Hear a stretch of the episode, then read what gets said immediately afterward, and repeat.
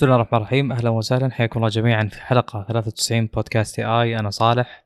واخوي عبد الله أهلا وسهلا. أه نتكلم على يعني أخبار سريعة وأخبار متعلقة بالهواتف اللي قد نقضي فيها وقت أطول. أه بشكل عام أه يعني في خبر يخص Nearby Share كونه بيكون على Windows هذا الشيء يحقق شيء مشابه للي آه، يحقق AirDrop في Apple ecosystem بنتكلم على مبيعات Steam Deck عموما وش صار عليه وممكن نعلق على حديثنا على مخطط اقتنائه سابقا وش تغير. نتكلم على شاومي 13 Ultra اللي نزل بشكل سريع بعد 13 و 13 Pro نتكلم على آه، مقطع انتشر بشكل كبير اللي هو يخص استخدام الذكاء الاصطناعي في editing أو تحرير ال videos. أيضا بنتكلم على تحسينات نوعا ما طرأت على واتساب. وبنتكلم على آه Intel و ARM وش بيصير تحديدا بينهم بالضبط. وفي تجربتين تخص آه واجهة Oppo بالإضافة إلى عودة الأخ آه عبد الله إلى شاومي بعد آه يعني انقطاع بسيطة.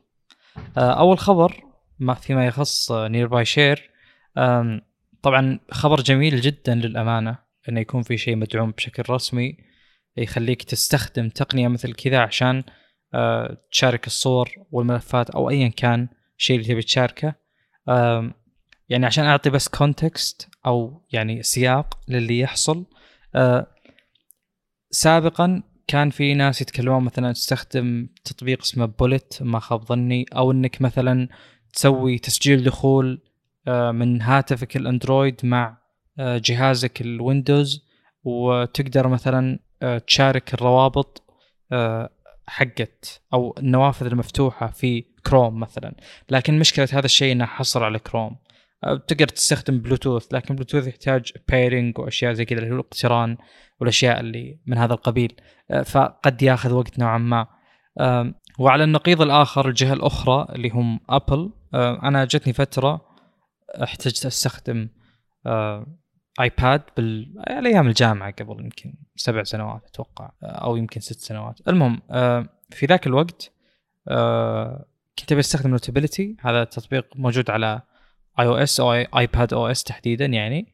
آه، فاضطريت إني أستخدم iPad فكنت أتناقل الملفات بيني وبين زملائي باستخدام اللي هو AirDrop وكان صراحة ممتاز جدا. يعني بمجرد ما أنت فاتح مثلا ملف معين آه، يخص يعني ال materials أو المحتوى حق المادة المعينة مثلا تضغط آه، زر معين آه، تقدر تشوف كل الأجهزة اللي حولك اللي عندك القدرة على إنك تخليها تستقبل هذا الملف وترسله. انتهى. فاللي كان يصير مثلا يعني إحدى ال use cases أو يعني إحدى الحالات اللي ممكن تستفيد فيها من AirDrop إن إذا أنت بترسل ملف إلى جميع الموجودين عندك تقدر بسرعة. فأذكر كانت مثلا إذا بدأت المحاضرة ذاك الوقت يجي واحد الله يجزاه خير ايا كان طبعا عشوائي أول واحد يكون عنده المحتوى يرسل للكل وخلاص ما تحتاج إنك تروح تحمل بنفسك تسجل دخول على ال Blackboard والأشياء هذه. طبعا أنا ما أتذكر أغلب التفاصيل بس هذا اللي أذكره حاليا. فأنا من ذاك الوقت وأنا عارف قد إيش AirDrop شيء خرافي.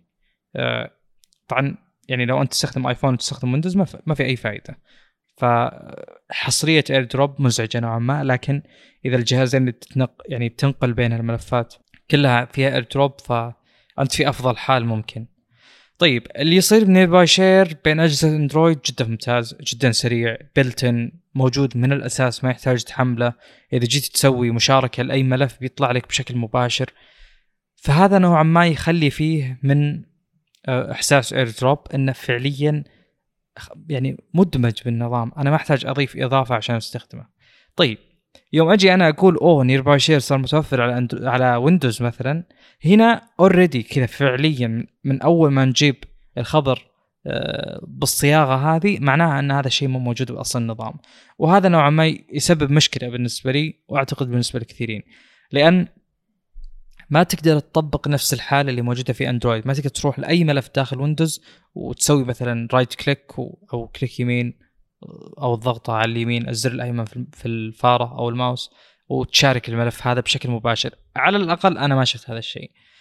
آه لكن ممكن يكون موجود بطريقة أو بأخرى بحكم إن أي جهاز أو أي آه إضافة third party آه، يعني طرف ثالث ممكن تضاف على ويندوز ويصير فيها وصول سريع مثل WinRAR وأشياء كثيرة. تقدر تضغط ملف مباشرة بدون ما تشغل WinRAR نفسه.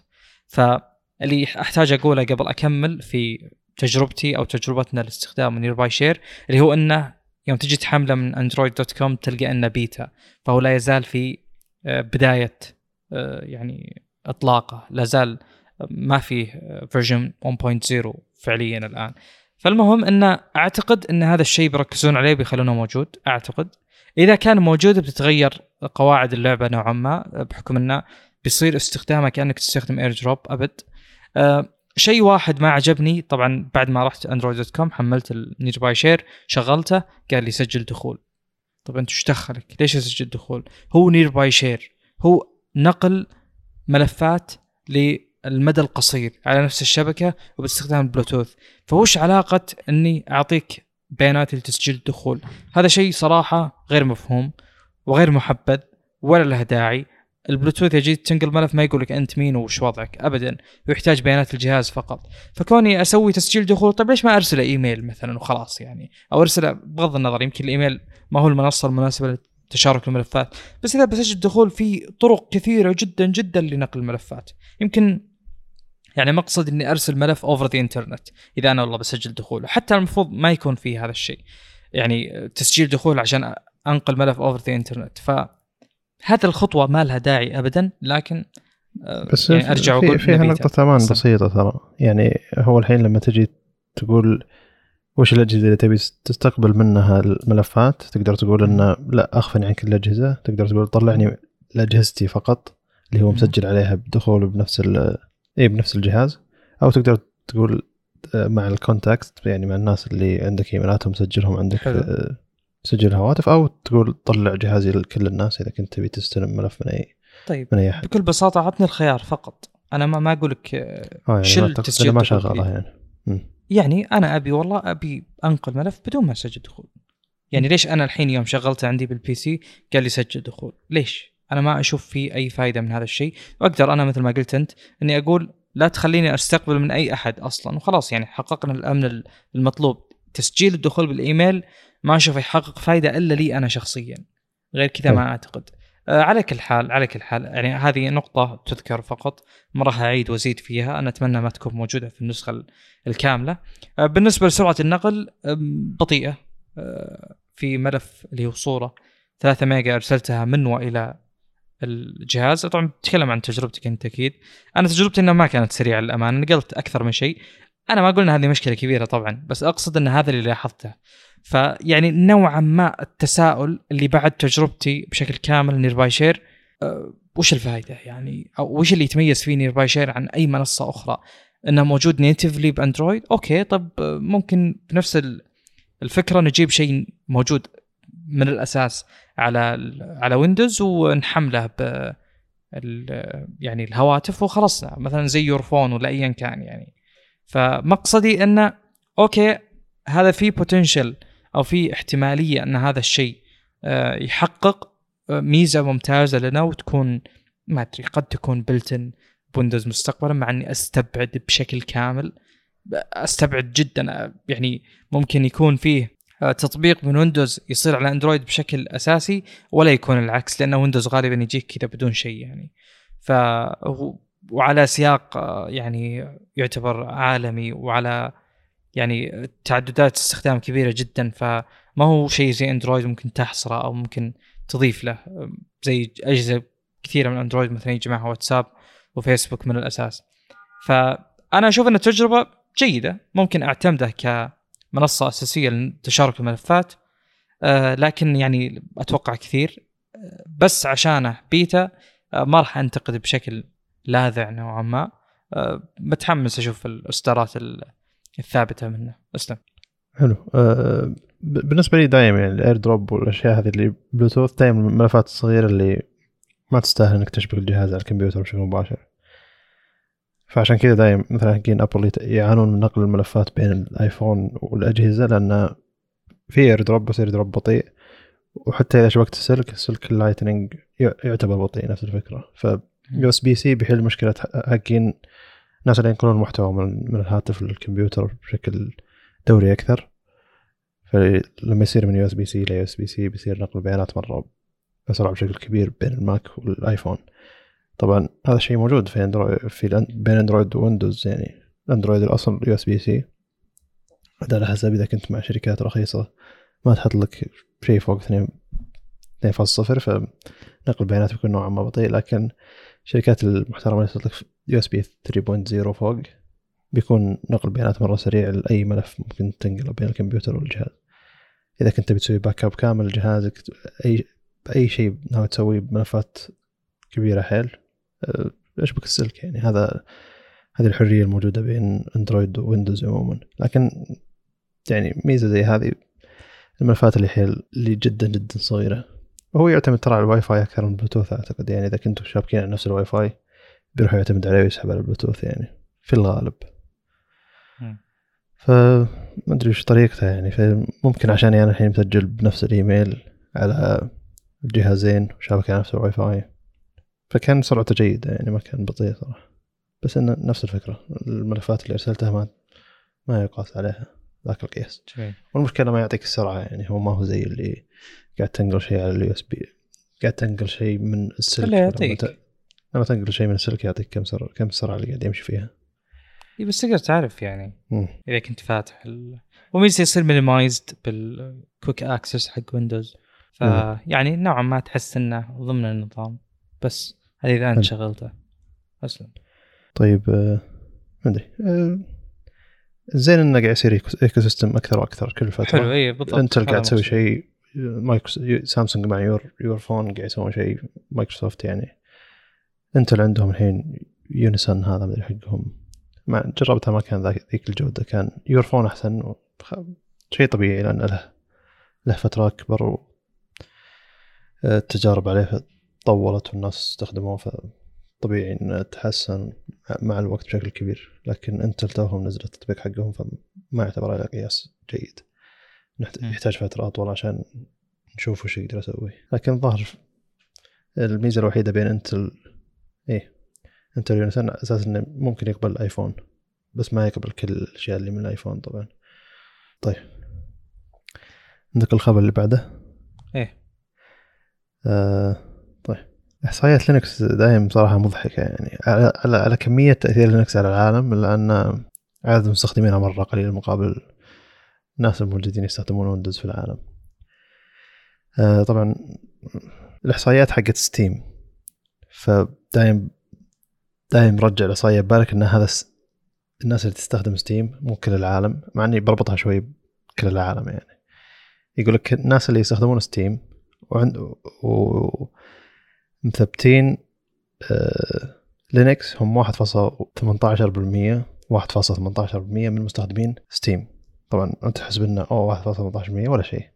بينما مستخدمين Steam بالعالم تقريبا 135 مليون. فتقريبا واحد ونص مليون لاعب على Steam يستخدمون لينكس. PC gaming يعني يستخدمون ال game هذا مو اللي لا والله. عنده جهاز لينكس لكن يستخدم ويندوز الالعاب لا لا. يستخدم جهاز لينكس الالعاب في 1.5 مليون شخص يستخدم Steam ويستخدم Steam على لينكس عشان يلعب ألعاب. وهذا أتوقع أنه تحدي مرة كبير. يعني ما أتوقع أنه في ذاك الدعم الكبير إلا أن Steam Deck يمكن الحين يغير المعادله نوعا ما. فالمهم من يوم نزل SteamOS على قولتهم إلى إلى السوق استحوذ على 7% من مستخدمين Steam Deck من مستخدمين Steam قاعد يستخدمون Steam Deck عشان يلعبون ألعابهم. ف مدري سبعة بالمية يعني. ممكن يطلع سبعة وشوي مليون شخص يعني. وأثر هذا على ال على ال على الإحصائيات العالمية كاملة انها آه، ظهر أول مرة لينكس يصعد فوق الواحد اثنين فاصلة صفر اثنين فاصلة واحد وصل تقريبا اثنين فاصلة أربعة اثنين فاصلة ثلاثة وأربعين. عن ناس عندهم لينكس بالعالم. طبعا Steam يصنف كمبيوتر لينكس يعني يصنف full كمبيوتر ما يصنف جهاز ألعاب أو console أو كذا. تصنيف أنه أنت معك جهاز لينكس أو نسيت والله حتى له أي Arch. يسمونه إي Arch بالضبط. Arch Linux. ف زي اللي هذا هم ما لهم إلا كم يعني بالبدايه كان حجز مسبق ودنيا ويا الله تحاصلوا الحين تو يتوفر يتوفر للناس وهذه الاحصائيه كانت على الربع الثالث من السنة الماضية. فكيف الحين خلال يعني مرت ربعين إضافية؟ أو الربع هذا خلص بعد الحين ما بقى ما بقى شيء. فاقصد تو إحنا بداية الربع الثاني من السنة. فأقصد إي مرت ربعين إضافية. فوش الإحصائيات الجديدة اللي بتكون؟ هل بيكسر رقم لينكس بحياتهم يعني أو إي نظام لينكس بحياته ما استحوذ على الكمية ذي من أجهزة الكمبيوتر الموجودة في السوق أو اللي تشتغل في السوق فزي اللي شيء مخيف. آه عشان يصير يصير عندك استيعاب للوضع 76% آه، من الكمبيوترات في العالم تشتغل على ويندوز. وراعي المقال ما جاب طاري الماك صراحة شيء شيء شيء مزعج ومريح بنفس الوقت يعني. إنه ولا مفكر بالماك لكنه جاب احصائيه حقت الويندوز عشان يصير عندك استيعاب الكمية الأجهزة حقت ويندوز في العالم. امم يعني صراحة صعب صعب جدا يعني تكون أو يكون القياس هذا معكوس على أرض الواقع. أنا أتكلم عن هذا لأن يعني أنت ما تتكلم على مثلا زملائك والناس اللي مثلك وش يستخدمون بالضبط يعني قد تكون فيه يعني حالة من الاستخدام في العالم في مكان ما بالعالم مغيرة طبيعة يعني مغيرة النسب هذه بشكل كبير بينما هي ما هي حالة إحنا متعارفين عليها. فمثلا يوم نتكلم على مثال دائما أضربه الشركات. يوم أجي أنا شخص معي مثلا ويندوز. وتجي الشركة وتعطيني لابتوب ويندوز مثلا. فتتضاعف يعني كمية مستخدمين ويندوز بينما في أرض الواقع أنا هو نفس الشخص. وكذلك العكس طبعا. أنا إنسان ما أصنف نفسي مستخدم macOS لكن الآن يعني في عملي أستخدم macOS. ففي كثير أحيان آه، ما نكون مخيرين في الاستخدام هذا واحد. ما هو بناء على تفضيلنا. آه، وفي أحيان أخرى مثل لينكس هو يعني لأجل أنه مجرد لا يوجد داعم فقط يعني. ما في واحد يقدم لك لينكس يقول لك تفضل استخدم هذا الجهاز مثلا. إلا في حالة Steam Deck اللي تعتبر edge case تعتبر حالة يعني نائية جدا بعيدة جدا عن الاعتياد في المستخدمين. فلأجل ذلك أنا أقول أن لا يمكن آه، نحصر أرقام دقيقة فيما يخص توزيع نسب استخدام أنظمة تشغيل الكمبيوترات في العالم أو في أي مكان أو في أي حالة. هذا شيء بعيد جدا. أن نقدر نحصره ونعرف طبيعته فعليا آه للأسباب اللي ذكرتها. فما راح ناخذ رقم دقيق مثل يوم ناخذ رقم دقيق في آه أندرويد عموما آه مقابل آي أو إس أو حتى الواجهات داخل أندرويد. يعني الأصل إنك تلقى سامسونج ماكله الحصه بشكل كبير بحكم طبعا ممكن مؤخرا أو ممكن الوضع الآن مع شاومي بالذات طحن يعني صراع قوي جدا. بس إن الأرقام اللي تاخذها في هذه الحالة دقيقة جدا جدا آه، بسبب انها كلها هواتف بالأخير. آه، يعني فتقدر تعرف آه، يعني أرقام دقيقة. بعكس يوم يكون الجوال أنت معطى مثلا هذا الجوال. وهذه حالات أعتقد نادرة جدا خصوصا في الوقت الحالي. فما أدري يعني هذه أرقام أحس إنها معلومة تسمعها. لكن مو شرط تاخذ فيها. وأنا جدا سعيد إن فيه استخدامات زي كذا. أه وترى استخدامات لينكس قاعدة تزيد بشكل مهول خصوصا يوم تتكلم على أغلب الشركات حاليا شركات السيارات أه في تصميم وتطوير أنظمة تشغيل السيارات. مو الأنظمة التشغيل أتكلم كباك إند قد ما أن أنظمة تشغيل الواجهات في الشاشة الوسطية مثلا شاشة الإعدادات. في شركات كثيرة جدا تستخدم لينكس الآن. وفي شركات كثيرة تستخدم نسخ مخصصة للسيارات من اندرويد مثلا كل جنرال موتورز مؤخرا آه كله كله على الإطلاق يستخدمون آه نسخة من نسخ اندرويد اللي هي بالأخير نسخة من نسخ لينكس على آه يعني كنظام ترفيهي للسيارة. بالإضافة إلى كل تويوتا وكل لكسس في السيارات الحديثة مؤخرا تستخدم نسخة من نسخ لينكس فهذا يخليني أقول okay بترتفع الأرقام لكنها ما هي ال use cases اللي إحنا نتخيلها ونتصورها إن واحد معه لابتوب ويستخدم هذا الجهاز. فيوم إني أشتري سيارة من تويوتا مثلا أنا ما اخترت لينكس أصلا بس أنا اخترت السيارة بكل ما فيها وجاني هذا يعتبر كذا آه، ميزة مضافة فقط أو شيء مضاف يعني. لكن بالأخير يوم تجي تبي تسوي نظام وتجي تبي تبدأ من منطلق معين غالبا لينكس هو اللي مو غالبا دائما مستحيل تلقى سيارة عليها ويندوز مثلا ولا macOS غالبا بتلقى الأصل بتلقى لينكس هو اللي يعطيك head start نقطة انطلاق ممتازة جدا إنك تسوي عليها اللي تبي وإنك تعدل عليها وإلى آخره والدعم الأصل إنه ممتاز جدا. فهذا ترند الآن قاعد يحصل بسوق السيارات وممكن يغير بشكل كبير في توزيع الكيكة يعني. حلو. آه طيب من بدايه من بداية 2022 إلى الشهر الماضي؟ لا كم شهر هذا؟ إيه لا إلى أبريل. نقص استخدام ويندوز بين المستخدمين من 75% إلى 69% وما أدري في نظام بالإحصائيات كاتبين إنه غير معروف قاعد يزيد استخدامه. زاد استخدامه من شكله حق هواوي يمكن ولا؟ ما أدري زاد استخدامه من كذا 4% إلى 13% و إيوه.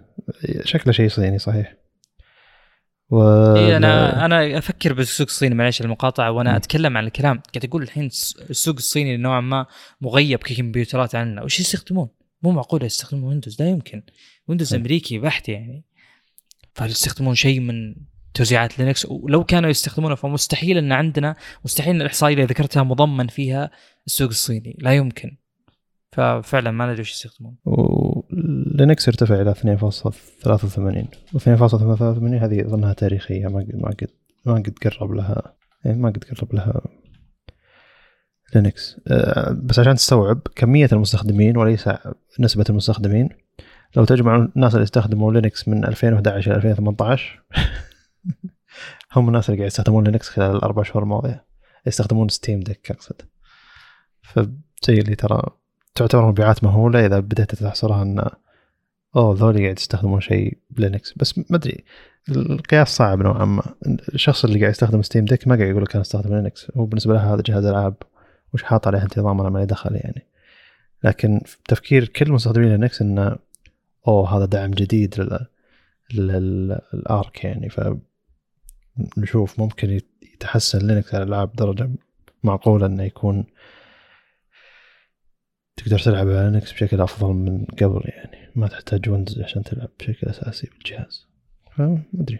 هو هذا الحماس أكثر انه هذا بيغير سوق دعم الألعاب لينكس ما يكون محصور على ويندوز فقط. صحيح. إحصائية بسيطة تو لقيتها من موقع اسمه TechHQ Tech Headquarters يقول لك مايكروسوفت still leads the Chinese and global desktop market with 85% اللي هو 85% السوق الصيني ويندوز. هذا رقم أعلى من الرقم العالمي and 74 shares respectively اللي هو 74 للسوق العالمي. فوجود ويندوز هذه إحصائية قبل تقريبا 10 شهور كذا أو حول السنة. ف يعني سيطرة ويندوز في السوق الصيني أكثر من سيطرة ويندوز بالعالم اللي أصلا المقابل لها غالبا macOS لكن macOS ليس له وجود في السوق الصيني بحسب اللي أقرأه في نظام مطور من الصين ما أدري وش اسمه صراحة أتوقع إنه صعب النطق نوعا ما لكن في محاولات ل يعني إزالة سطوة ويندوز أو الشركات الأمريكية في الكمبيوترات يعني بالصين. ف يعني كما هو متوقع. لو لو إنه في نظام مشهور كان عرفناه مثل وي تشات وغيرهم يعني التطبيقات هذه عرفناها بسبب إنه يعني مو موجود اللي الشيء اللي نستخدمه عندهم شيء يعني معاكس ومخالف تماما له شيء مختلف.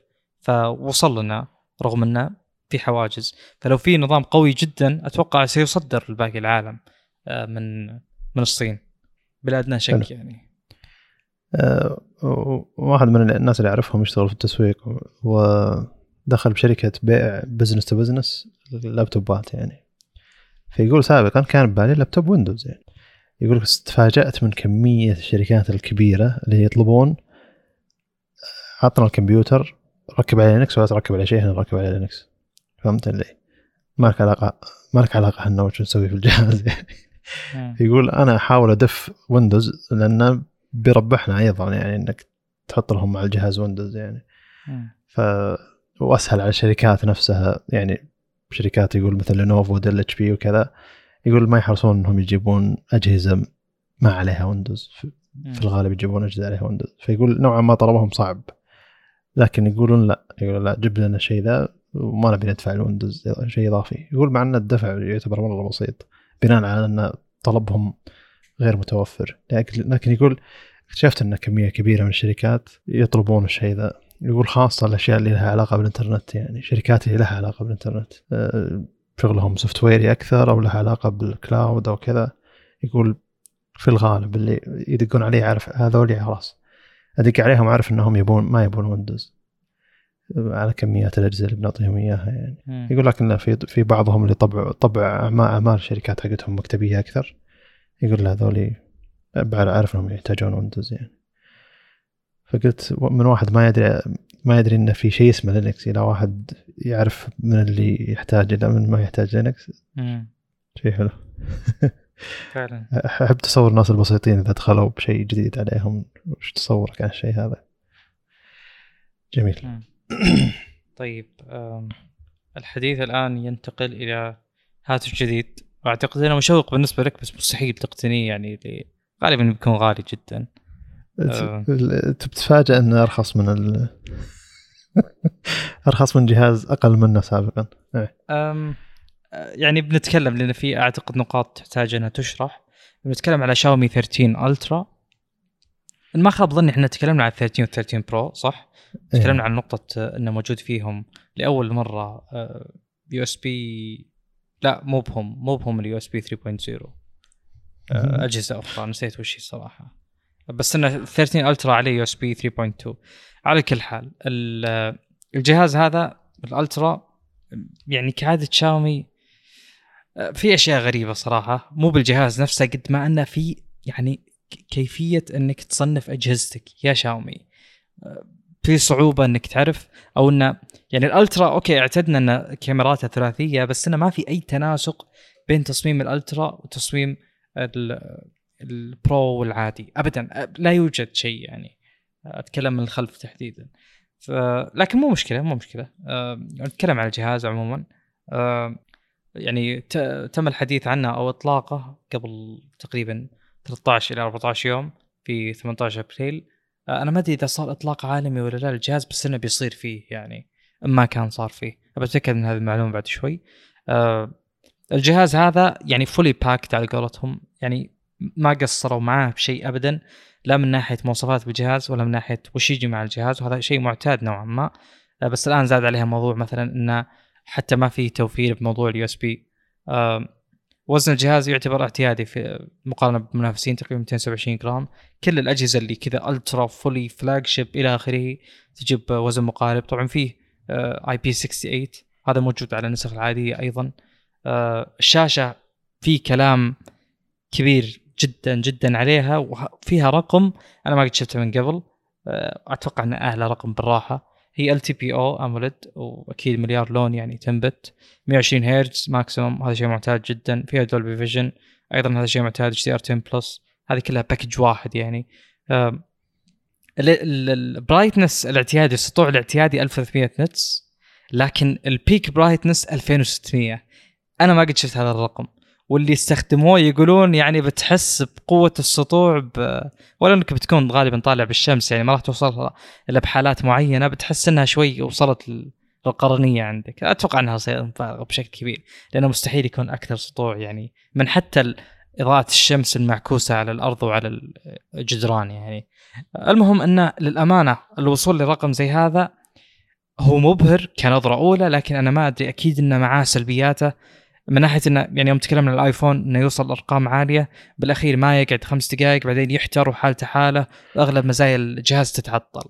ف ما أدري أنا ما شفت أي سلبية يعني شفت كم مقطع أوروبيين فواحد منهم بريطاني عايش بلندن وواحد مدري وين والآن إحنا ما دخلنا في قعر الصيف فأعتقد انه لا يمكن القياس على تجاربهم ابدا إذا بنقيس على تجارب مثلا آه، خلينا نقول الشرق الأوسط أو العالم العربي عموما مع حرارة الأجواء نوعا ما في آه، يعني بشكل متوسط في فترة الصيف مثلا أو تحت الشمس عموما. فهو ما في أحد تكلم على انه ممكن تواجه حرارة أو مشكلة. آه، لكن أنا أعتقد 2600 جدا جدا كثير. أنا ما أقول إن هذا شيء سلبي بالعكس شيء إيجابي جدا. آه، فمشوق ودي أجرب ودي أشوف يعني. بالنسبة لحجم الشاشة مماثل اللي موجود بالبرو 7 6.73 6.73 مماثل جدا للي موجود في في البرو سواء ك يعني screen to body ratio كحجم كانحناء أطراف. أيضا ال ال يعني حتى ال resolution الدقة نفسها 1140 3200 تقريبا كل شيء يعني مشابه جدا باستثناء الموضوع اللي ذكرته اللي هو زيادة السطوع بشكل كبير عن آه، الاعتيادي آه، الجهاز بلا شك يجيب اندرويد 13 مع MIUI 14 وهذه فرصة أن نذكر انه يجيب ثلاث تحديثات إضافية للأندرويد آه، يعني نوعا ما ثلاث سنين أظن هذه تتضمن النسخة. أنت تكلمت عن هذه النقطة تتضمن النسخة اللي يجي معها الجهاز صح؟ يعني هو بيكون الدعم إلى نهاية اندرويد 15 ولا؟ الشركات الصغيرة شركات صغيرة اي POCO Redmi وذولي يضمنونها فيقولوا لك بنعطيك ثلاث إصدارات وليس ثلاث تحديثات قادمة. مم. بينما لا أتوقع شاومي هنا إلى 16 يعني. ثلاث اي هذا المتوقع. جميل. طيب آه والمعالج طبعا بلا أدنى شك اللي هو ال Gen 2 آه وهو معالج جدا ممتاز مثل الموجود في ال Pro العادي. آه لكن في أشياء مفاجئة للأمانة رغم أن المعالج جدا ممتاز. آه يبدأ ب 256 جيجا RAM آه جيجا بالنسبة للتخزين 12 جيجا RAM. أظن أن كلنا دايخين في هذه الحلقة لكن في حماس يعني. آه يعني بخلاف ال ال ال Pro مثلا ال Pro يبدأ ب 128 8 آه إلى 512 مع 12 جيجا RAM. هذا أي نسخة غير ال 256 يجي معها 16 جيجا RAM عندك 512 بالإضافة إلى 1 تيرا آه يجي ب UFS 4.0 بشكل كامل لأنه يبدأ أصلا 256 لأن إحنا ذكرنا معلومة سابقة إن ال 4.0 تبدأ 256 أي جهاز يجي عليه 128 الأصل إنه يكون 3.1 أو 3.0 يعني أقل من 4.0 فبتكون عندك سرعة التخزين أبطأ. بالنسبة للكاميرات وهنا في حديث كبير جدا كل الكاميرات الموجودة في الخلف 5 ميجا بكسل ما تعبوا أنفسهم يعني. عندك الكاميرا الأساسية اللي هي ال wide 5 ميجا بكسل 1.9 الفتحة 4.0 وهذا رقم غير معتاد ابدا. لكن على أرض الواقع بحسب الصور اللي شفتها وتصوير الفيديو اللي شفته أعتقد أن الجهاز يعتمد بشكل كبير على أنه يستخدم portrait portrait mode وبالإضافة إلى يعني العزل الصناعي نوعا ما في تصوير الفيديو أسلم. هي العدسة ذي variable يعني من 1.9 إلى 4.0 على صحيح. حسب قاعد تصور. نعم. okay فهذا الفرق الوحيد بينه وبين المستشعر الأساسي بال Pro انه تقدر تخليها 1.9 4.0 مع انه ما في ما أدري شو الاحتياج يعني. ما في أي فائده إنك تحطه أصلا أصلا المستشعر نوعا ما صغير ف 1.9 كافية. ما تحتاج اي يعني حرفيا مو مو ممكن ألقى أي use case إلا يمكن واحدة اللي أخلي فيها الفتحة أكبر. أنا أحتاج كل الإضاءة اللي أقدر عليها غالبا في الهواتف خصوصا مع محدودية الايزو الموجودة بالإضافة إلى ان بمجرد ما ترفع تشوف ال noise. ولو إن ال noise أسهل مشاكل تنحل بالهواتف من بمجرد ما تصور الصورة يختفي فجأة كله. أتكلم على الأجهزة ال high-end عموما معالجة الصور تكون فيها ممتازة جدا فأسهل شيء إنها تسوي denoise. لكن الحالة الوحيدة اللي ممكن ممكن أستفيد منها اللي هي يوم أجي بصور شيء قريب جدا وأبي ال depth of field يكون أكبر. ولو إن هذه حالة غالبا يحلها أو تحلها ال ultra wide. لكن ال ultra wide غالبا تكون اسوء على كل حال ال ultra wide الموجودة 5 ميجا بكسل نفس الشيء. آه، الفتحة 1.8 12 ملي. آه، بالنسبة للكاميرتين المتبقيات اللي هم كلهم telephoto واحدة 3.0 هذه ال 5 X واحدة آه، الفتحة حقتها 1.8 هذه 3.2 آه، فهذه هي الأقل. يعني ما في 10 X مثل اللي موجود بسامسونج. لكن آه، يعني بشكل نوعا ما غريب بدل ما عندك ال digital 100 X هنا عندك 122 ليش 122 بالتحديد؟ ما أدري صراحة بس هذه المعلومة اللي شفتها وقريتها يعني. وكله طبعا digital ففي شغل كبير في معالجة الصورة بعد الالتقاط. بالنسبة للكاميرات أنا شفت يعني كلام كبير ومدح عليهم. يعني ما شفت تجربة منفصلة للكاميرات بس أعتقد إنهم جيدين جدا. كلهم Leica lenses كلهم كاميرات يعني أو عدسات Leica بالنسبة للكاميرا الأمامية 32 مثل الموجود في ال Pro العادي. طبعا أكيد في stereo speakers بدون 3.5 jack آه يجي ب Type-C 3.2 آه يقدر ينقل يسوي stream آه من Type-C 3.2 إلى DisplayPort وهذا شيء حلو جدا. آه قد ما تستفيد منه لأن أصلا الكيبل هذا ما تدري وين تلقاه لازم تطلبه يعني بنفسك. لكن أنا استفدت منه بشكل كبير على ال Mac عموما بحكم إنه ما تقدر تاخذ أعلى bandwidth إلا إذا استخدمت ال DisplayPort مع Type-C يعني يوم تستخدم ال HDMI في أجهزة ال M 1 Pro وال Max غالبا محدود جدا resolution طبعا مو شرط إنك تستفيد نفس الفائده بهذه الأجهزة لكن إذا كانت الشاشة ما فيها مثلا Type-C to Type-C ممكن تستفيد من ال DisplayPort مستشعر البصمة أكيد إنه optical تحت الشاشة وكلام جيد عنه. البطارية أكبر نوعا ما من ال Pro ال Pro يجي 4820 العادي يجي 4500 هذه 5000 لكن يعني للأسف للأسف الشديد جدا جدا جدا ما شفت أول شيء. الشحن أسرع شيء يجي 90 واط. مقابل 120 واط وهذا شيء نوعا ما غريب بالنسبة للجهاز من آه شاومي كذا مو flagship Ultra هذا ما في جهاز أعلى ولا أغلى منه. يجي ب 90 واط مثل ما قلت يشحن من صفر ل 100 ب 35 دقيقة. مقابل 120 واط بال Pro يشحن من صفر ل 100 ب 19 دقيقة. ففي فرق نوعا ما حول ال double أقل من ال double بشوي. آه، رغم أن البطارية أكبر ب 180 ملي امبير يعني بكم نسبة قليلة جدا. ما تجي لها يمكن 2% ولا 3% آه بالنسبة للشحن اللاسلكي يجي ب 50 واط. آه المفترض إنه يشحن 49 دقيقة. مقابل 36 دقيقة نفس الشيء 50 واط لل Pro. يدعم شحن عكسي 10 واط. السعر المذكور اللي أشوفه في جي اس ام ارينا 800 يورو. ما أدري عن التفاصيل الأخرى. في نقاط أخرى بذكرها. آه يعني ما هي objective ما هي على الورق.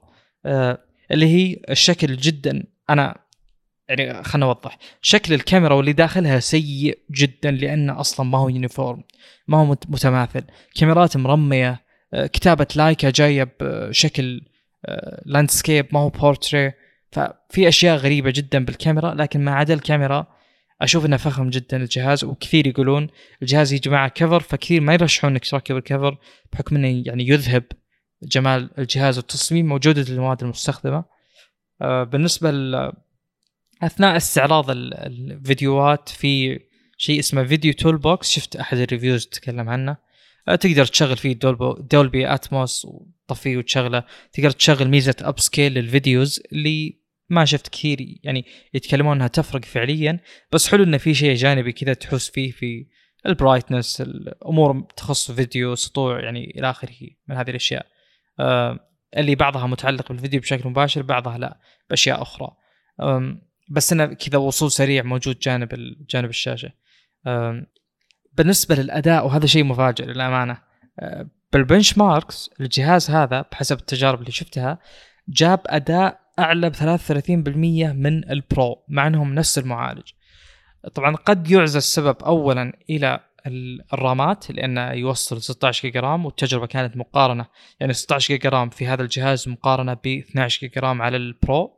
لكن ممكن لو أشوف تجربة 12 جيجا RAM بال Pro 12 جيجا RAM بال Ultra بتكون نوعا ما أدق في المقارنة بين الجهازين. أنا قد اعزي السبب إلى أنه ممكن يكون تبريد أفضل بكل بساطة يعني. بس يا جماعة 33% يعني ال single thread performance كان بال Pro تقريبا 1400 وشيء بينما في ال في ال Ultra كان 1900 وشيء أشوفه فرق جدا كبير. وكذلك على ال multi-threaded نفس الفرق يعني. آه، كان تقريبا 5400 إلى 5900 فهو واحدة من ال threads قد تكون بال peak بأعلى شيء وهي اللي فرقت نوعا ما بالأداء. بالنسبة لخيبه الأمل نوعا ما اللي هي البطارية. آه بطارية ال Pro بحسب تجارب جي اس ام ارينا كانت 115 ساعة بينما بطارية آه ال Ultra والعادي كلهم 108 ساعات. قد هذا الرقم ما يعني شيء كبير لكن بكل بساطة كونك تكون أقل من ال Pro اللي هو نفس الشاشة بنفس كل شيء كلكم LTPO كلكم بنفس ال يعني resolution بنفس الحجم بنفس أشياء كثيرة جدا. شلون جاب رقم أقل؟ أنا ما عندي أي فكرة للأمانة وخصوصا البطارية يعني المفروض إنها أكبر كحجم 3% وأيضا الشحن 90 واط ما هو 120 فكيف أقل من ال Pro؟ لا توجد لدي أدنى فكرة. الجهازين المفروض إنهم نفس الشيء. لو كان في يعني تفوق طفيف فهو لل Ultra. لكن للأسف غير موجود هذا الشيء. لكن في ميزة ما أدري. أنا ما أدري متى أطيح بهذه الميزة أصلا أو متى تحصل لي أو تعرض لي اللي هو إنه إذا وصل الجهاز إلى 1% بطارية يشغل موضوع آه، وضع اسمه hibernation أو شيء زي كذا اللي هو وضع آه، إنه يكون يحد جميع آه، يعني وظائف الجهاز يخلي الاتصال وكم شيء مهم مقابل إنه يعطيك 1% لمدة ساعة. قد تكون مفيدة هذه الميزة لكن معليش أنا أفضل انه تكون بطارية الجهاز بشكل مجمل أفضل. يعني يوم تجيب لي مثلا S 23 Ultra مقابل حتى ال S 23 Plus وتلقى فرق البطارية شاسع يعني يوم يطفى ال S 23 Plus آه، بيبقى بال S 23 Ultra تقريبا 15 إلى 20% أنا أفضل إني آخذ 15 إلى 20% مقابل إنك تعطيني hibernation وخرابيط زي كذا. ما أقول إنها سيئة لكن ما تكفيني على جودة البطارية بشكل مجمل. وطبعا تبقى ميزة ممتازة بالجهاز اللي هو إنه يجي معاه شاحن وكفر كعاده شاومي. أه لا زالوا متمسكين بهذه الأشياء بس. طيب. أه السعر السعر إذا حولته للدولار ظهر يطلع 1000 و 1090 دولار. تلقى الحين بعليك سبيل لسه ظهر ب 1090 دولار. المشكلة انه روم صيني ولا ولا راح ينزل له روم عالمي الظاهر إلا إذا يعني بعد فترة طويلة جدا أو ما راح ينزل له مثل النسخة اللي قبله. وأتوقع فرق الأداء والبطارية علشان قاعد يستخدمون جهاز صيني بدولة أوروبية. يعني اللي اعرف جي سمرين أوروبيين ف يعني مستوردين الجهاز هذا من الصين روم صيني كل كل خدمات صينية. ف زي اللي لما تحط عليه أشياء إضافية لما يعني زي اللي تستهلك أكثر من المفروض بينما لما يكون الروم أوروبي مهيئ له كل الخدمات اللي تشتغل في أوروبا مثل خدمات جوجل والأشياء الأساسية بالجهاز اللي هو موجود على 13 Pro مثلا. أعتقد إن هنا يكون فرق الأداء والبطارية. أه، وأنت جربت الريدمي أذكر ال K 20 ذاك الوقت أو حتى ال K 30 أذكر. أه، كانت كلها ROMات صينية ففي فرق الأداء في فرق البطارية. ما أدري بشكل إيجابي سلبي ما ندري شو الفكرة لكن م. أعتقد بما أن الأرقام واحدة نفس الجهاز نفس المعالج ما في فرق إلا بال RAM ف أعتقد إن تأثير ال ROM اي اي ستار يكون قوي جدا على أداء الجهاز والبطاريه لكن آه، ما أدري إذا يسوى. يعني إذا تسوى معاناة إنك تطلب الجهاز من برا وال ROM صيني ما راح تستخدم ROM عالمي. تشغل خدمات جوجل لكن مو بكامل كفاءتها. تشتغل بكفاءة عالية. لا يغرك زي هواوي يعني. بس أقصد إنه مو يعني ما هو خدمات جوجل ما هي متجذرة بالجهاز يعني. ترى كل ما لها تطلب صلاحية أقوى اقوى أذكر كنت تقول أيام ريدمي صح صح. طلب مني فعلا. اي يعني. فزي اللي 13 Pro نوعا ما تريح راسك أكثر وأكثر يعني. فالفكرة إن الفرق هذه المرة الفرق بين 13 Pro وال 13 Ultra مرة قريب. يعني ال variable aperture حق المستشعر ما له داعي. بس في عدسة zoom إضافية أكثر زيادة بس شحن اسرع على ال Pro. الكاميرات نفس حجم المستشعرات فزي اللي ليش أروح على ال Ultra؟ ال Ultra بس إنه بشكل أكثر عدوانية أقدر أقول يعني من ناحية انه أول جهاز جدا ملفت للانتباه بينما 13 Pro يعني زي اللي نوعا ما أكثر هدوء يعني. أه عموما كان ودي إنه يحطون ال Ultra من شاشة منحنية الأطراف وال Pro يخلونها شاشة flat أحسن صراحة. أحسن شيء منحنية الأطراف. أحسن شيء. المفروض كل الجوالات كذا حتى الجوال ب 200 ريال أنا مشخصنها معكم صراحة ما تدري عن كمية الناس اللي يردهم اللي يرد إيه. أنا يرد الجهاز إذا ما في انحناء في الشاشة. أه، ما أدري. أنت الحين جربت جهازين في فرق بينها يعني ال 22 وال 23 يعني زي يعني 23 يعطيك مساحة تمسكها أحسن يعني. لا. حلو. والله هذا أنا. أنا يزعجني شيء واحد أكثر شيء إذا كان في انحناء إذا إذا كان في يعني في إضاءة قوية على أي جهتين يمينك أو يسارك انعكاسها على الزجاج مرة مزعج. وانعكاس الإضاءة ذي على جزء من الشاشة وليس أطراف الجهاز. فهذا كان جدا يزعجني يعني. عموما آه، شاومي تحسنها السنة الماضية عن السنة هذه خرافي لكن مقارنتها السنة ذي مع الاجهزه الموجوده السنة ذي مو مرة يعني. فلما تقارن شاومي شاومي 12 Pro مثلا مع 13 Pro اللي التحسن مو معقول. يعني سبيكرات أفضل بمراحل. هذاك هذاك ال speaker حقه من أضعف السبيكرات الموجودة في أجهزة الأجهزة الرائدة. من أضعف البطاريات الموجودة في الأجهزة الرائدة. الظاهر حتى GS جايب 74 ساعة مقابل 13 Pro جايب 115 ساعة. فطبعا هذا كله يرجع للمعالج لكن أقصد إنه حلوا مشاكل واجد من المعالج ومن نفس الجهاز. يعني السبيكرات والشاشة قوة إضاءة الشاشة أقصد آه، سرعة الشحن مع إنه نوعا ما ضعفوها لأن صارت موزونة من ناحية الحرارة. يعني كل الناس اللي اشتروا 12 Pro يشتكون من الحرارة. الحين لا ما في حد يشتكي من 13 Pro من الحرارة. يشتكون مشاكل بعض ال software مشاكل غريبة لكن أظنها موجودة على أغلب الشاومي يعني أو موجودة حتى على أجهزة أندرويد الباقية. يعني واحد واحد ذاك اليوم يشتكي من تصوير الشاومي في الواتساب بشكل مباشر. قلت له أندرويد كله تصويره بالواتساب بشكل مباشر سيء يعني وش تتوقع يعني؟ إلى أن راح جرب جهاز ثاني. آه. فتح كاميرا الواتساب واستوعب انه تصويره سيء. هذه ما هي مشكلة شاومي؟ الرجال باع الجهاز وراح اشتري سامسونج على أساس إنه سامسونج أحسن تصوير الواتساب. قلت أنا ماني يصور بكاميرا الواتساب يعني. قال يا أخي أسرع ما أدري وش قلت عندي اقتراح. وارجو إنه ينفذ. ودي إنه يكون يعني في أي كذا يعني كتطوير لأي تطبيق على أندرويد ان إذا تبي وصول للكاميرا لك الحق إنك تخلي فيه زر داخل التطبيق. مثلا زي واتساب تضغط عليه يوديك الكاميرا التطبيق الأساسي. ولا تقعد تتفلسف ولا تشغل كاميرا من عندك ولا تشغلنا يعني. خلاص هم يموتون تطبيقات تموت بصلاحية الكاميرا مباشرة. إي. أعطني صلاحية أدخل الكاميرا حقتك تكفى. مالك دخل مالك دخل. آه يوديك التطبيق الأساسي أنت تصور له الصورة اللي يبيها. يقدر يقرأ الصورة بس. تبي باركود تعطيه باركود QR code تعطيه QR code بس فكرة إنه تصو يعني تسوي لي أنا جربت يعني أذكر مشروع التخرج. كنت ماسك الموبايل وكنت أطور آه، تطبيق يعني أطور آه، بدل ال يعني ال web page حقتنا بيكون في application تطبيق على الاندرويد يدخل فيه ال يعني الطالب ويفتح كاميرا يسوي scan QR code يدخل الاختبار إلى آخره. كان في features كثير يعني. فأذكر إني قاعد أقول شو لا أنا أخلي التطبيق حقي مثلا يوم جيت تطور الموضوع هذا اللي يخليه يفتح الكاميرا يقرأ QR code يوديك للرابط اللي موجود إلى آخره. كنت أحتار كيف أصمم الصفحة اللي تفتح فيها الكاميرا. أحط فيه تحت مثلا زر الالتقاط وأحط ما أدري وشو. أقعد أقروش نفسي وأضيع وقتي على الفاضي. أنا هذه المعلومات كلها ما أحتاجها. أنا بس أبي تطلع لي QR code ترجع لي بالتطبيق. انتهى.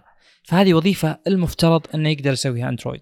وعشان أندرويد ما يضر نفسه والواجهات مجملا في في أندرويد ما تضر نفسها في الكاميرات السيئة اللي تطلع من التطبيقات اللي أنا أقدر أحوس الدنيا فيها أقدر أزيد سطوع أقلله أزيد حدة أطلع لك كاميرا سيئة وكاميرتك خرافية. هذا شيء بكل سهولة تقدر تسويه بأندرويد.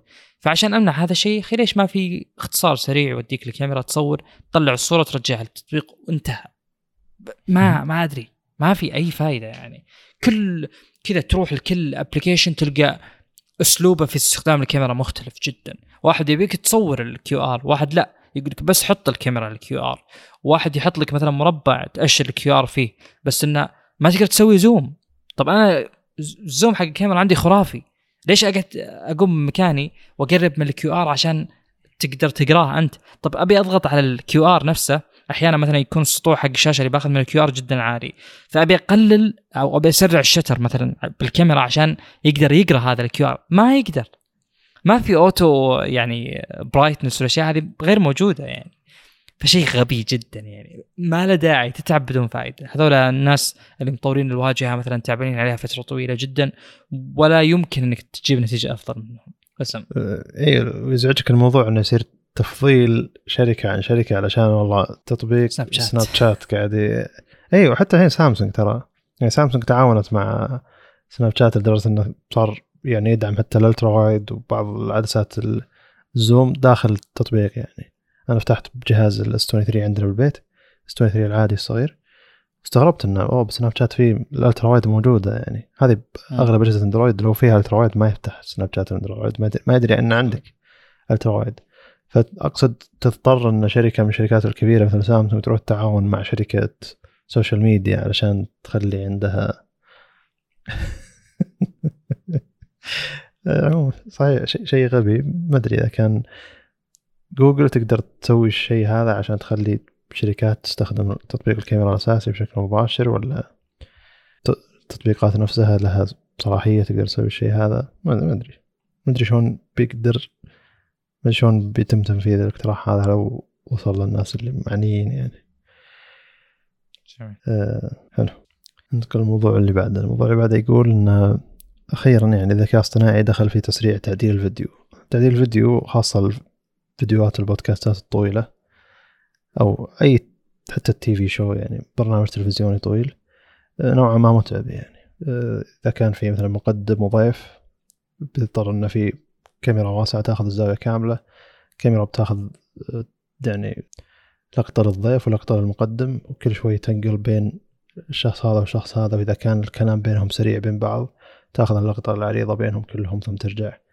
فزي اللي عمل نوعا ما روتيني ما في إبداع وياخذ وقت طويل. فجت شركة وموقع اسمه AutoPod زي اللي حط كل مصادرك أنت حط ال footage اللي تبيها حط حط الأصوات اللي موجودة من الضيوف ذولي أو أو المقدم الضيف المقدم وهو بيتعرف عليهم كلهم بيتعرف على على تقريبا إذا كان في بيتعرف على عشر مايكات وعشر كاميرات. و يعني عشر كاميرات مو معناته شرط إنه كاميرا كاميرا لا مرات تقدر تاخذ آه، صورة واحدة صورة واحدة عريضة وتقول له بالكاميرا الثانية زوم على الشخص هذا الكاميرا الثالثة زوم على الشخص هذا وإذا تكلم الشخص هذا أعطني كذا.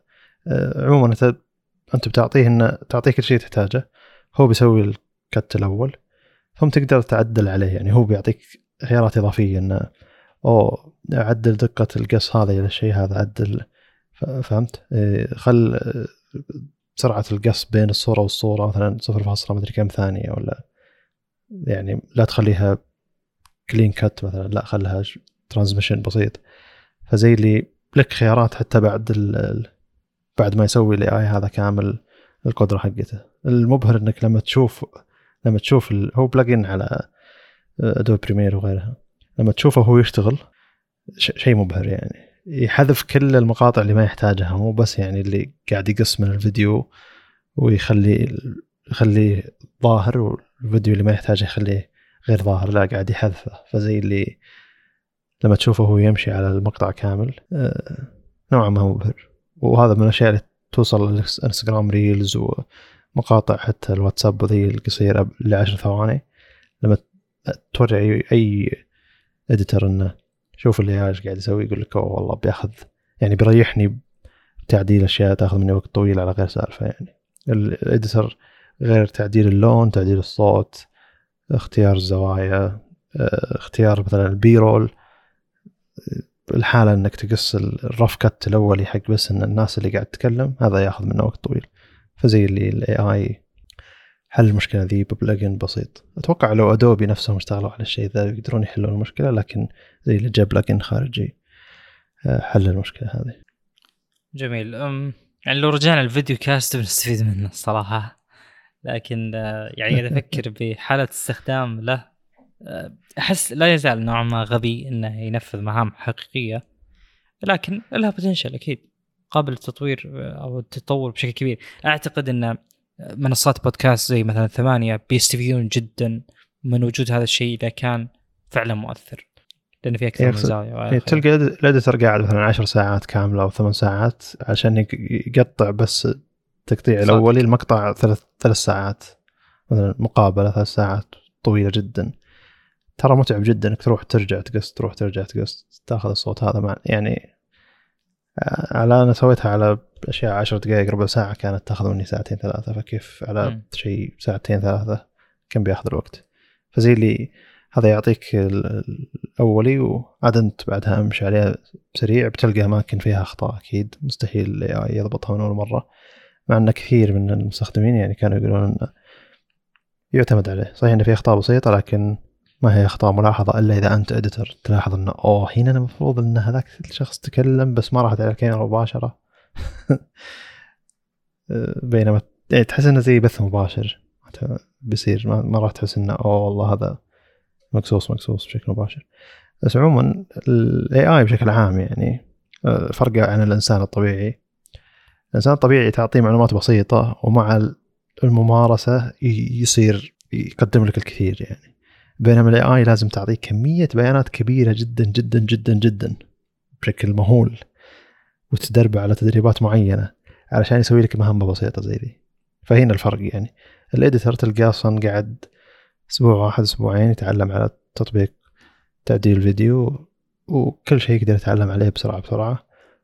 وعلى كمية المعلومات البسيطة اللي عنده لأنه مع ممارسته وتجربته لكم شغلة تلقى أوه أتقن شغله ذي أتقن شغله ذي فهذا الفرق بين الإنسان الطبيعي إنه ما يحتاج يقرأ مليون document عشان يقدر يسوي لك الشيء هذا. بينما ال AI لا. يعني زي اللي تحتاج تعطيه كمية بيانات تحتاج تعطيه آه، أسلوب معين تمرنه على شغلات مرة كثيرة.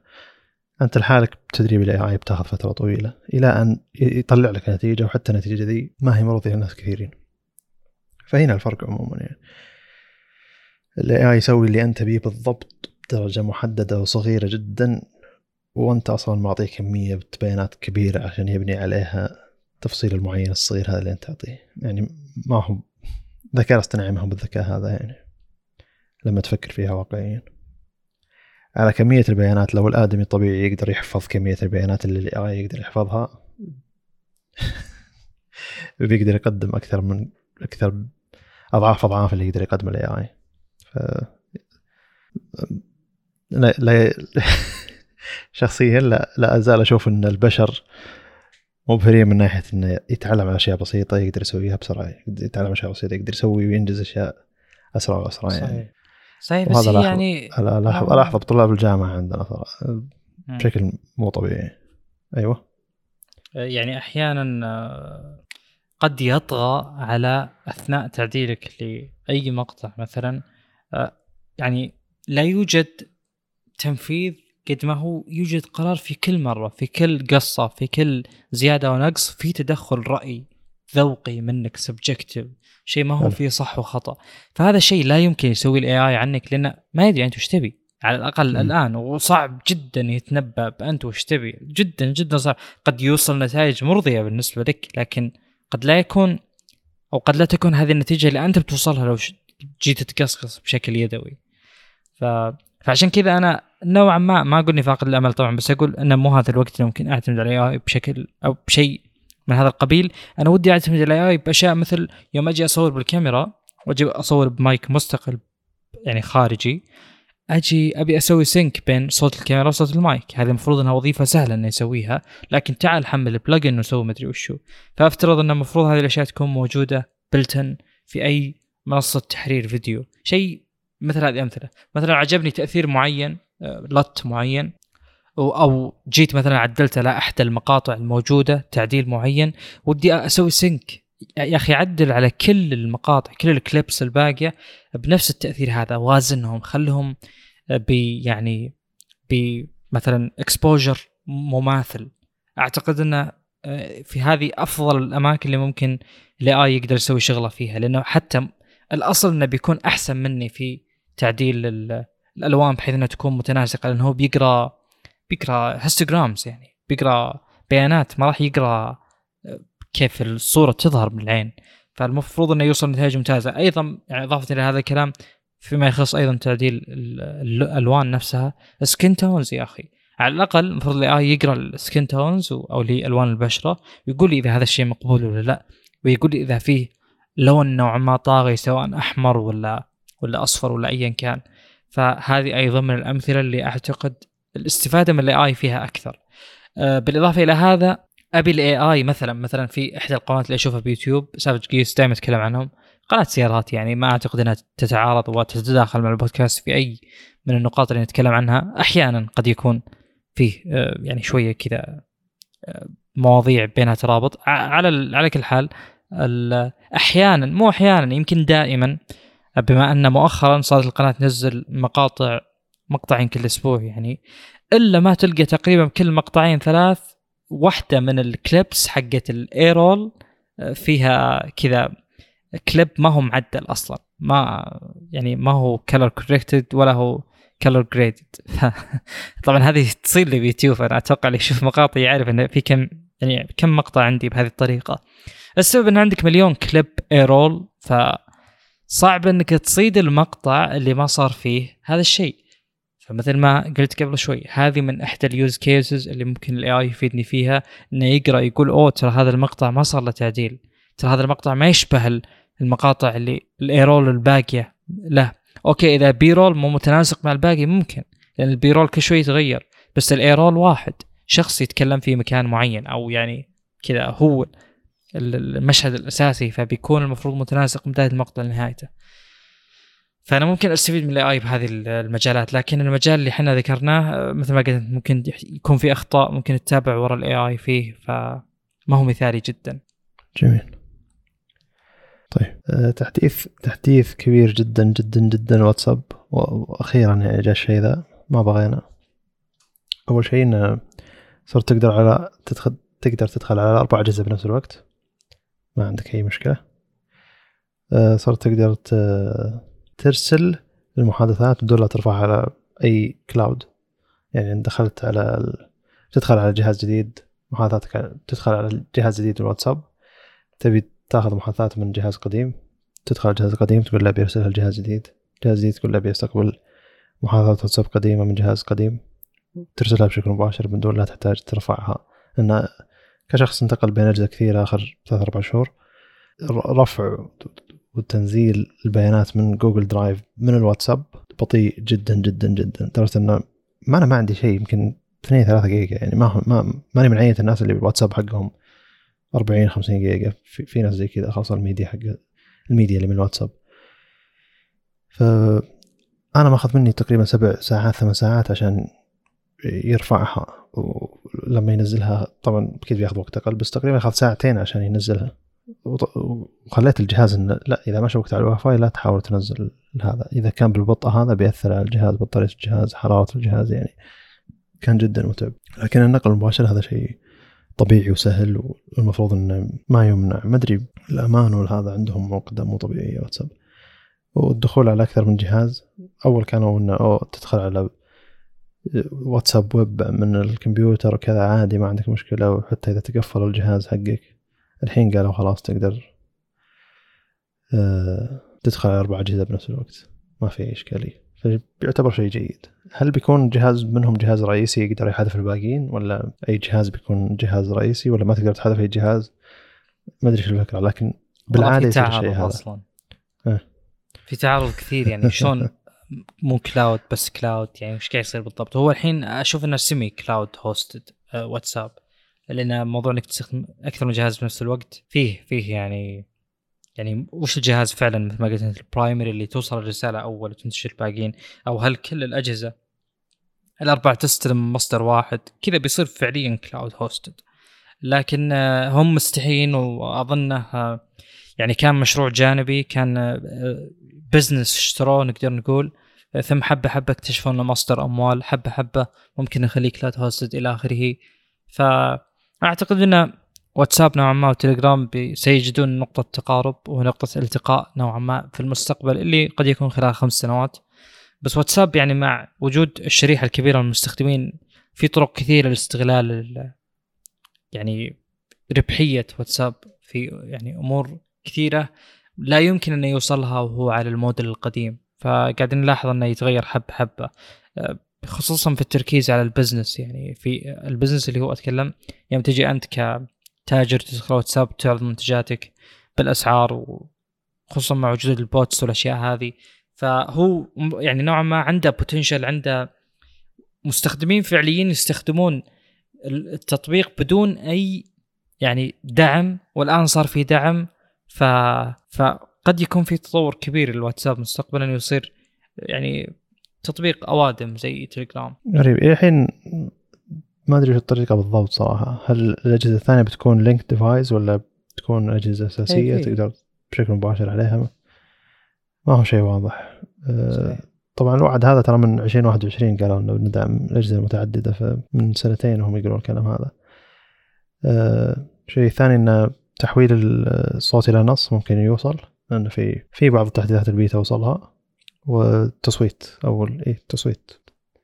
تصويت أو الاستبيان زي كذا اللي خيارات وتخلي الموجودين عندك بال group يختارون من أي من الخيارات ويطلع نسبة الناس اللي اختاروا اختيار هذا وهذا. تصويت أو استبيان ما هي مشكلة. نقدر نسميه أحد الاسمين أيضا ذي بتوصل قريب. قالوا ان أسرع شيء بيوصل دعم أربع اجهزة ثم المزايا الباقية بتوصل حبة حبة. لكن تأثيرها على العالم كبير ترى. يعني واتساب هو من أكبر تطبيقات المحادثة في العالم. فتلقى الأخبار من الهند وأوروبا ومدري وين. لكن لما تبحث عن أشياء بالعادة إحنا نبحث عليها ما تلقى الأخبار مواقع أمريكية. فاستغرب هنا لما يجيني موقع هندي قاعد يتكلم عن مزايا الواتساب الجديدة.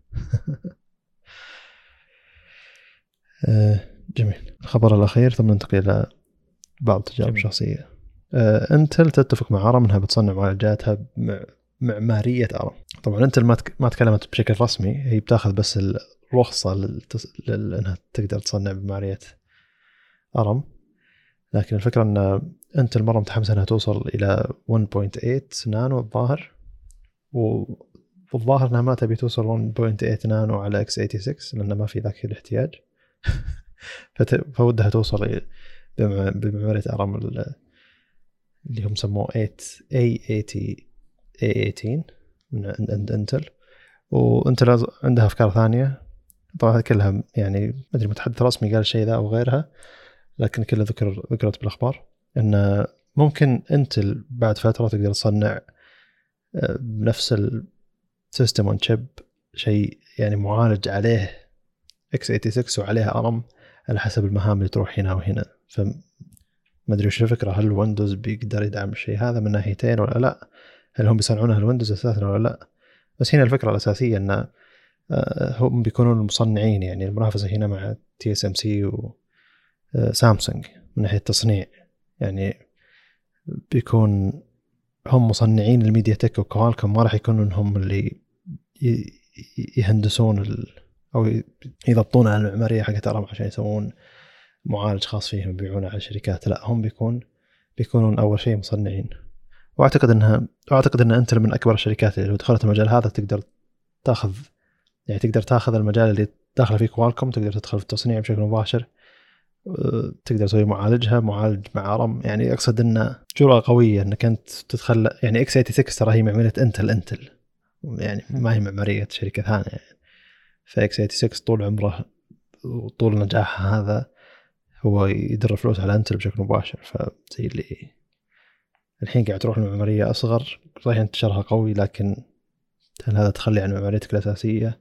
هل هذا جرأة أنك لا تبي تسبق الناس إلى أنك ممكن تتقن المعمارية هذه بشكل أساسي كصناعة تسيطر على سوق جديد ما هو سوقك ولا وش الفكرة يعني؟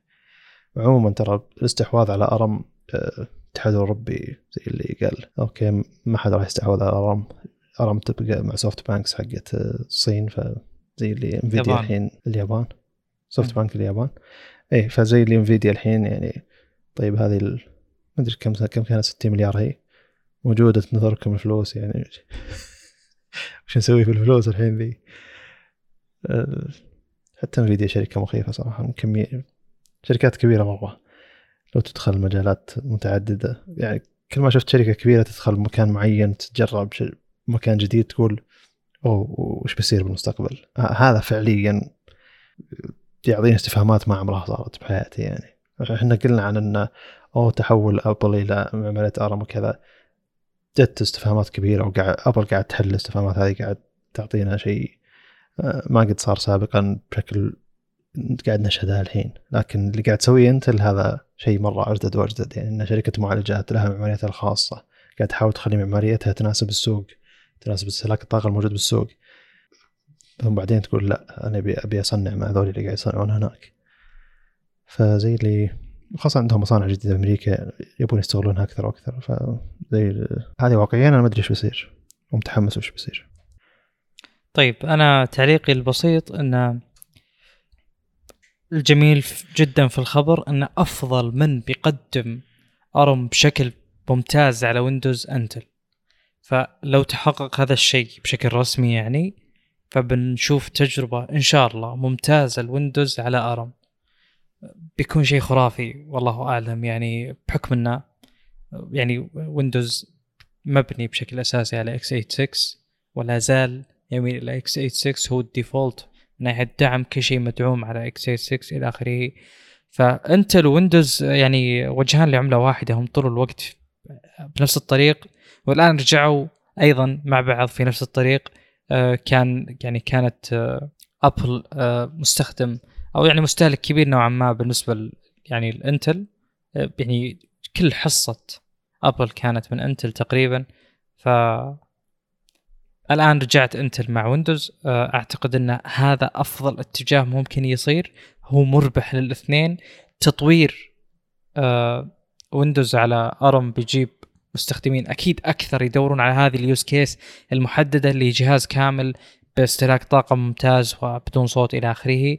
بالإضافة إلى إنتل هي اللي أصلا بدت هذا المشروع من الأساس هي اللي قدمت هذه التجربة الممتازة على ويندوز من الأساس. فاجتماع هذه الشركتين لا يمكن يجي إلا بكل خير بالنسبة لي على ويندوز وهذا اللي يحمس. جميل حلو. أه أنت متحمس أنها تسوي معالج تدمج فيه أكثر من معمارية مع بعض على أساس أن كل معمارية تتخصص بشيء معين؟ فممكن معمارية ARM تتخصص بالأشياء اللي ما تستهلك فيك الطاقة ما تستهلك البيانات العالية x 86 يتخصص بالتطبيقات اللي مرة كبيرة. ما أدري يعني هل بيكون توزيع زي توزيع ال cores بيكون توزيع المعماريات على حسب وش اللي دعم المعمارية الجديدة وش ما دعم المعمارية الجديدة؟ هل ويندوز بتأيد الشيء هذا؟ علاقة ويندوز مع انتل عظيمة جدا فاي شيء تسويه إنتل الويندوز زي اللي ترحب فيه وتقول يعني أنتم اللي شلتوني كل هالسنين هذه فإحنا نعرف نشتغل مع بعض فممكن يسوون شيء فريد من نوعه مستقبلا. أعتقد إن أنت تكلمنا عنها سابقا إن المنافسة من أكثر من جهة قاعد يخليها قاعد تفكر بأشياء أنت سابقا مستحيل تسويها وحتى مديرهم السابق كان مستحيل يسوي الشيء هذا. الشركات الكبيرة هذه مرات عندهم آه، شافت نفسها لدرجة إن ما يستوعب ان اللي قاعد يصير بالسوق هو شيء ضده حتى على المدى الطويل. لكن لما لما يجي زي المدير هذا حقهم جديد أتوقع تكلمنا عنه قبل سنتين. مدير جريء ياخذ اجراءات خارج كل التوقعات واتوقع انه معارض شيبان كثير موجودين داخل انتل يعني. الا ان هذا بيفيد شيء كبير للمستقبل. اظن حتى مواجهتهم مع اي ام دي هناك بعالم المعالجات بيكون متعب جدا خاصة المعالجات الموبايل يعني. الأجهزة المحمولة واللابتوبات وغيرها. ف اللي شيء شيء جيد صراحة. يعني أقصد في في معمارية مخصصة لل machine learning وغيرها الظاهر اسمها ريكس RISC RISC-V. يعني الحين لما يقول لك إنه في neural engine موجود داخل المعالج حقك ولا ال system on chip حق ARM ترى هذا يجي معمارية أظن يسمونها RISC-V. حق دائما حق ال machine learning ال AI والشغلات هذه. فزي اللي انت اللي قاعد تقول إنه أوه الحين عندنا أكثر من معماريه داخل ال system chip نفسه. ليش ما نقدر نحط x86 مع ARM بنفس هذا؟ طبعا هذا تصور بعض الناس اللي يتوقعون وش, ممكن انت تقدر تسوي بالشيء هذا. فهم قاعد يقولون بما ان فيه system chip موجود عليه أكثر من معماريه ليش ما نقدر نسوي أكثر من معماريه على system chip؟ ليش ما انت لنفسك تقدر تسوي أكثر من معماريه على system chip تحط فيه ARM x86 بنفس الوقت؟ أعتقد إنه بيصير بيصير شيء مبهر لو ويندوز قدروا يستغلونه. بشكل ممتاز. جميل. طيب آه آخر شهر استخدمت نثينج ثم نثينج صارت له مشكله قلت لك بعدين حليت المشكلة هذه مع الشركة وكذا. رجعت الجهاز وأخذت جهاز جديد وبعت الجهاز. ف آه، أخذت اوبو اوبو رينو 8 T أو شيء زي كذا. ما كمل معي وقت طويل اظنها أسبوع وشوي أسبوع ونص.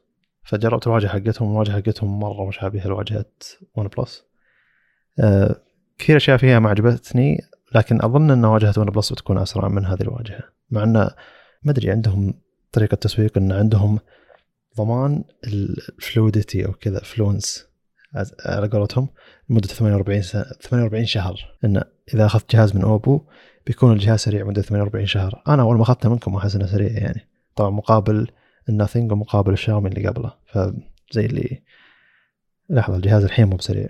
مع إن الجهاز مو بذيك المواصفات لكن استخدمت أنا جهاز من شاومي معالج 685 سناب دراجون 685 كان نوعا ما أسرع. فزي اللي يفشل الجهاز هذا يعني.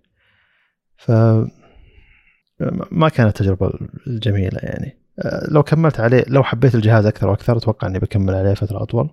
لو إني لو إني اخذت ون بلس بشكل مباشر أتوقع إني بطول عليه وقت أكثر. لكن كانت فرصة ربح يعني. أخذت الجهاز بسعر رخيص بعته بسعر عالي ف وصارت تجربة بالوسط يعني. أه اختصارات كثيرة ما هي موجودة ودي تصير موجودة. من اختصارات ويندوز الأساسية ف زي اللي ما كانت تجربة جيدة. شيء يحتاج تعود أكثر ما هو شيء اللي مرفوض جدا. وتوقعت أنه أسرع من بقية الأجهزة لأن كثير من الناس يمدحون سلاسة واجهة أوبو أو واجهة ون بلس. ما أدري إذا كانت تفرق عن بعض لكن أغلب الناس يستخدمون ون بلس 10 برو 10T. يقولون من أسلس الواجهات اللي استخدموها بحياتهم ف زي اللي ما جربوا شاومي ممكن.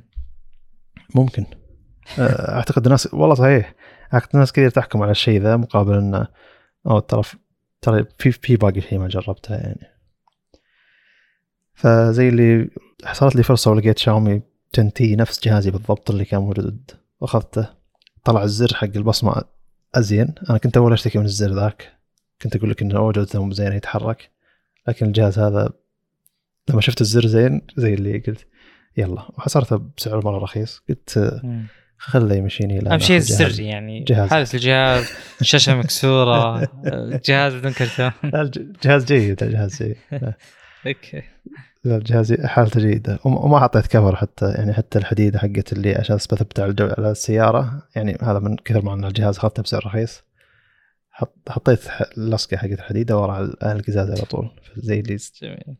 هذا لو ينكسر الجهاز الحين أنا ما دفعت فيه شيء كثير. ف صراحة يعني زي اللي تحس إنك رجعت البيت فهمت اللي؟ فتره حسيت إني فترة طويلة قاعد ادخل أماكن طبعا بعضها فنادق بعضها شقق يعني تحس انها أماكن غريبة عليك بس تقدر تعيش فيها تكمل يومك الوضع طبيعي. لكن لما رجعت لشاومي تحس إنك رجعت البيت. كل الأماكن اللي أنت متعود عليها كل الأشياء اللي أنت مرتاح لها. يعني والسرعة المفتقدة يعني.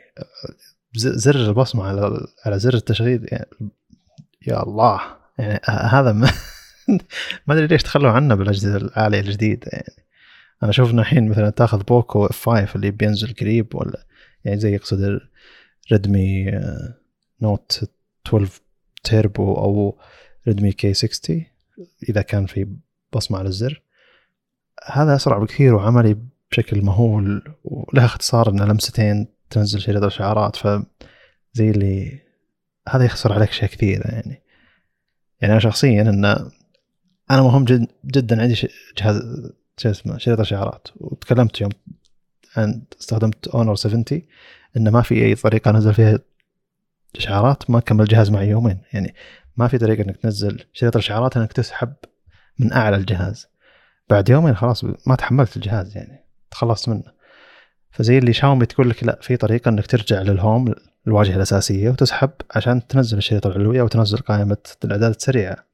إذا أنت موجود داخل تطبيق وما تبي ترفع أصبعك على الشاشة تقدر تلمس لمستين على زر البصمة وينزل لك شريط الاشعارات هذا زي اللي convenient موجود وعايش عليه فترة طويلة. يوم رجعت له زي اللي آه شو يسمونه هو؟ muscle memory من دون لا أفكر فيها سويتها يعني. زي اللي يقول أوه هذه موجودة اشتغلت اللي كنت قاعد أشتغل عليها قبل شهر شهر ونص.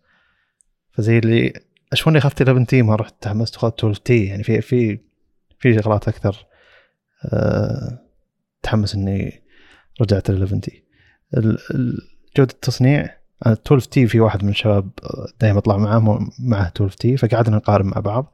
جودة تصنيع المسكه الفخامة شكل كشكل 11T أكثر أفضل. 12T نوعا ما تحس إنه بلاستيكي واقعيا. عجيب.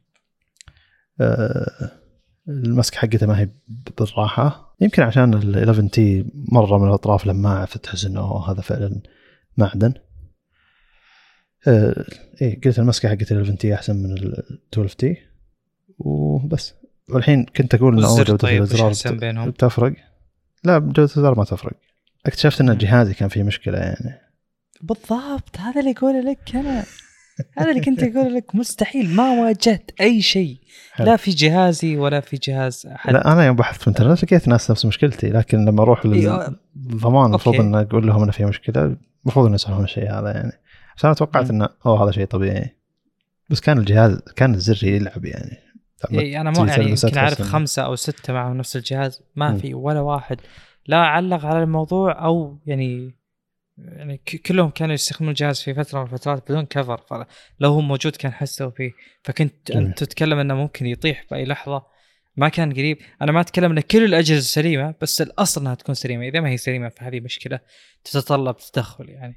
بس ما أعتقد إنها شيء يعني كذا ممكن تشوفه تقول أوه هم أصلا جودة تصنيعهم سيئة. جميل.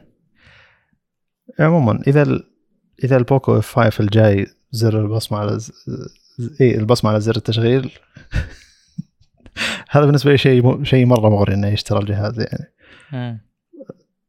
يعني السرعة مو طبيعية وأسرع من أي جهاز استخدمته بصمه على الشاشة. يعني آخر ثلاث اجهزه قبل لا أرجع للشاومي كلها بصمه على الشاشة.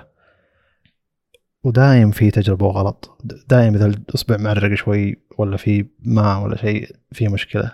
هذا لا حتى لو الاصبع فيه شوية مشاكل اللي يمشي الوضع. فزي اللي أحط اصبعي على الزر مرات ما أبيه يشتغل يشتغل.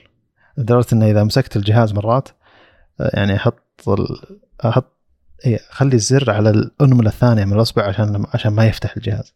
لاني أدري لو أني مسكت الجهاز بالغلط و... بس اللي الأنملة الأساسية حق الجهاز ينفتح الجهاز. لا يعني هذه السرعه اللي مفتقدة آخر ثلاث شهور ولا شهرين نسيت والله. يعني فترة التجارب الماضية. الحوسة بين الأجهزة ثلاث أربع أجهزة تقريبا. اكتشفت إني لو إني من الشاومي حقي 11T الماضي يوم جاء التحديث وسبب حرارة وحراره سويت backup فرمتت الجهاز رجعت اللي ابي استخدمت كان كان شيء مريح. لكن عموما آه، الجيد إن أغلب التجارب ربحية يعني صحيح إن الشاومي النثينج خرب علي لكني يوم بدلته وبعته طلع لي بربح. الأوبو كان فرصة ربح يعني لقيته بسعر مرة رخيص واستخدمته فترة وبعته بربح. فجيد إنها كانت ربحية وليست خسارة يعني. ف... نعمه لو إنها كانت خسارة كنت بقول أخ لو إن ال 11 T ثابت عليه ومخلص يعني. ف زي اللي أتوقع إن الجهاز كمل معي سنة تقريبا. ومن دون لا أفكر اغير أغير الجهاز وهو جهاز قيمته 1300 ريال. يقول هذا شيء يقول كثير عن الجهاز هذا يعني. أظن انه من أعلى الأجهزة الشاومي 11 T 11 T Pro من أعلى الأجهزة الشاومي جميل. آه نعتبر خلصنا كذا. امم أعتقد إلا إذا عندك إضافة. لا خلصنا. آه شكرا لكم استماع. معذرة كان ما في الحيوية ذيك بالحلقة هذه. تو رجع للدوامات وكذا فنوعا ما الحياة شوية أبرد من ألو... من ال... أيام رمضان أيام رمضان كان شوي حماس فشكرا لكم استماع السلام عليكم.